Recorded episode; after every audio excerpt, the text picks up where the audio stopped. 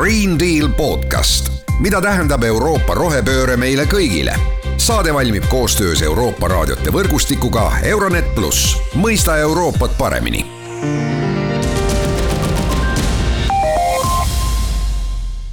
tere, head äh, Green Deal taskuhäälingu kuulajad, mina saatejuht Mart Valner.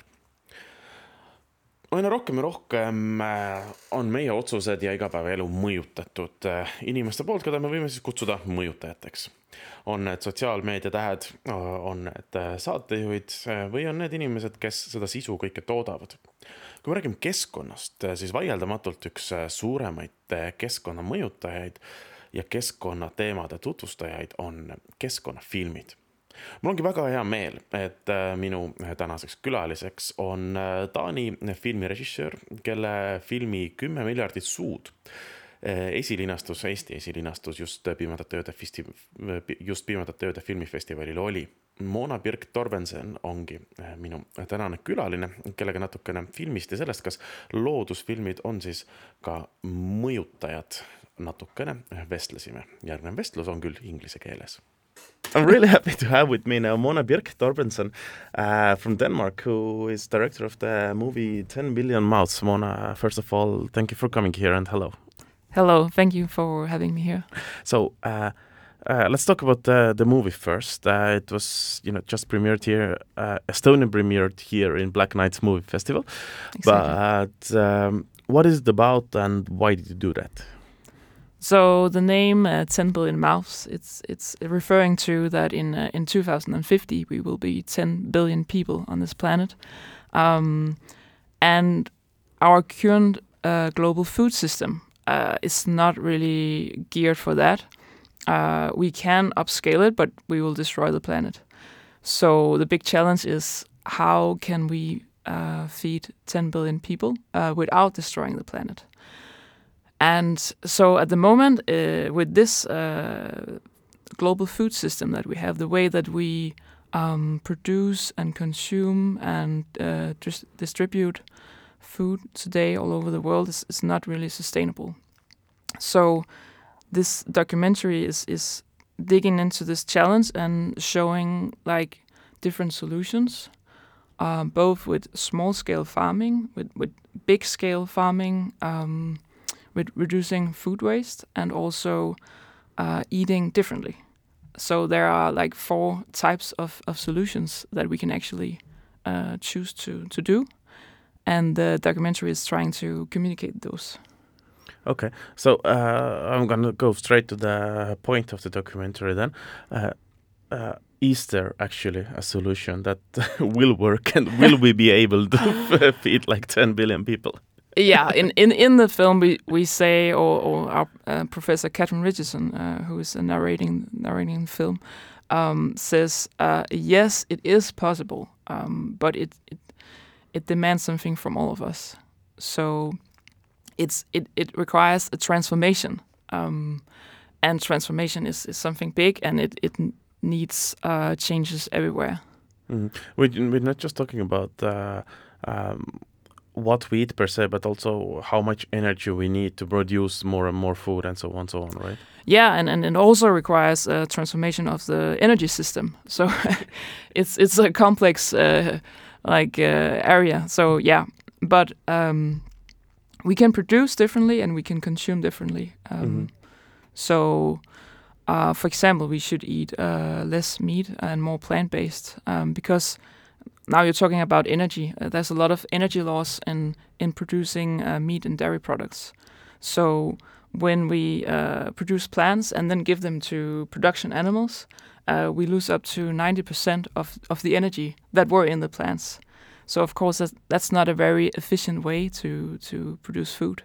And so that's one of the solutions that we can uh, or we should uh, go eat, for. Eat the plants ourselves. Yeah, eat the plants ourselves instead of feeding them to to animals that we then eat. Okay, but uh, that's kind of uh, it has been let, us say common knowledge for deca uh, decades now that uh, uh, agriculture and especially raising animals has really high impact on the environment and it's uh, energy wise it's it's not good health wise it's not good to eat too much meat and so on so on mm. it hasn't affected the way we eat. Uh, I can say from Estonian point of view, uh, we eat like uh, about 10 kilograms too much meat per week. That's that's like or, or per month. That's, yeah, that's like it's, way it's too the much. same in, in Uh, Denmark. but we have we are talking yeah. about that, but it it's, it Mm. doesn't change.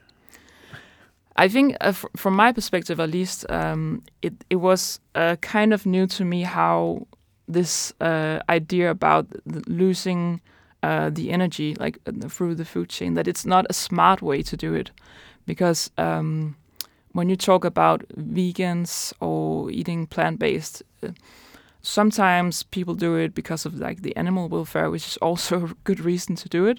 Um, but the whole uh, logical argument argument about like we, we a lot of people uh, on this planet. We all need food, and we also need area for for forest and for for wild nature. So it doesn't make sense to to produce all this food and then waste it, uh, like by uh, putting it through all these uh, chains, like giving it to production animals and then eating it. So I I believe maybe that if more and more people knew this, that it's it's like very inefficient. Maybe this will speak more to people than than before. Absolutely. Well, uh, maybe it uh, looks to me like that, but uh, more and more people are making uh, environmental doc- documentaries. Uh, not the, if we talk about nature movie uh, now at the moment, we're not talking about beautiful shots and uh, uh, you know only animals uh, playing uh, or running or killing each other. We're talking about environmental issues more and Mm. more. Uh, do you think it has any influence, any effect of how people think? If you make a nature Yeah. movie, uh, imagine if you do that, you want to affect people, anyways, right? Well, I know for myself that I I watched the the Cowspiracy uh, movie documentary, which is about like you know uh, eating plants or eating meat and wha- how it affects uh, the nature and the environment. And before watching it, I was a bit skeptical. Um, but and it was like uh, I don't know if it's American, but it's it's very like bold in some Mhm. ways. Um, but still, it, it it informed me and and affected me so that uh, like I was actually on on vacation with my boyfriend. We were like biking around in Norway, and after like getting home because we hadn't um, uh, cooked food for all that time, we just like had these uh, bags. You know, you put hot hot water in it. Um, so we started to try to eat vegan after that. So it actually uh, it's crazy enough, but it had that impact. Um, so for me, at least, it is. Um, that movie made a change. Um, I don't know. Sometimes uh, you also need to uh, really choose to watch those movies because sometimes they are like um really uh, difficult to watch. Uh, there's a lot of like hard hard truths in there. Um, so it's it's a balance. Like if you you also need to to reach people um, and not just uh, be depressive about this. Uh, But but, but still, can I can I call you and and uh, other let's say nature movie makers or uh, in Mm. general movie makers? Can I call you uh, uh, also not social media but in general influencers of the world? Yes, uh, that would be nice. I mean, that's what we're trying to do um, in in Grøn, where I come from. Like we also do uh, videos for primary school and for secondary school and for uh, university classes. And I think that that video is a, is a good medium for um, telling things. And uh, I mean, when I was in school, there wasn't anything about sustainable development. Uh, so it's pretty new, and the teachers uh, don't necessarily have the material for it. And so, what should they do? So I think it's there's a lot of room for making this uh, material and and and uh, being an influencer, uh, not on social media, as you say, but um, reaching people in different ways. hmm But it all starts from education. I mean, influencing people uh, should be. I think it starts from home and then Mm. to education, and Mm. uh, then comes all the media and then everything else around it, right? yeah and and I mean that I think that the newer generations or the people, the young people today are, are really open to to changing things, and of course they are like they they we like we left them or left ourselves with this uh, these big challenges. Um, so it's we we also owe ourselves or owe them to provide some solutions and ideas for change. Um, and also we we another project that we had is like um, this virtual reality world um, that uh, one of my colleagues created about the ocean. Um, so we had it at a sustainable festival uh, in Denmark, and then all the school classes came, and the the kids were crazy about it. And then uh, they went home, and uh, in the evening they brought their parents because they were like, "Oh, this is so nice! You should see it. You should try it." So, so the kids are actually pretty nice uh, change makers. Mhm. So the, we're talking that the young people today are changing their parents' uh, minds and Yeah. point of view, not the other way around. Yeah, definitely. which is which is really nice uh, nice way to think about it Mm. because yeah young people are more climate active and, and so on it appears at least Yeah, I mean they're they're growing up in a different world, so and they want to you know they, they want to grow up in actually functioning world yeah, I imagine yeah. I I mean it's it's crazy that we didn't think that way before. Like, how are we leaving the the the earth Mhm. uh, for the next generations? Uh, it seems like there were like other big problems before, which were like more pressing, and then um, people didn't think uh, so far.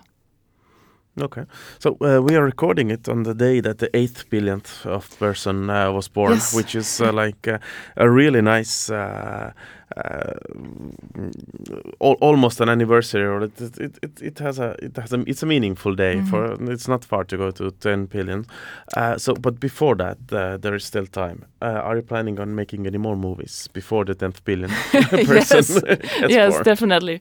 Well, then we- cannot make another 10 billion movie, but yes, definitely we will uh, keep on working on, on communicating these issues. And is there anything uh, in the in the beamline already um, at the moment, we are doing a, a, a documentary series, but that's for, for the Danish television. Uh, at the moment, but it's it's about a scientist uh, working on like uh, describing uh, life on, on the planet and how it is affected by uh, the development we we have at the moment. Um, so that is is in the pipeline, and then um, yeah, we'll see. Uh, I think that like we are new in the game. Uh, this is our first documentary, but uh, it's been so nice to to uh, get it out and have the feedback. So I think we'll definitely try to make make more. that's good to hear uh, Mona thank you for coming here Thank you so much. Green Deal podcast, mida tähendab Euroopa rohepööre meile kõigile? Saade valmib koostöös Euroopa raadiote võrgustikuga Euronet pluss, mõista Euroopat paremini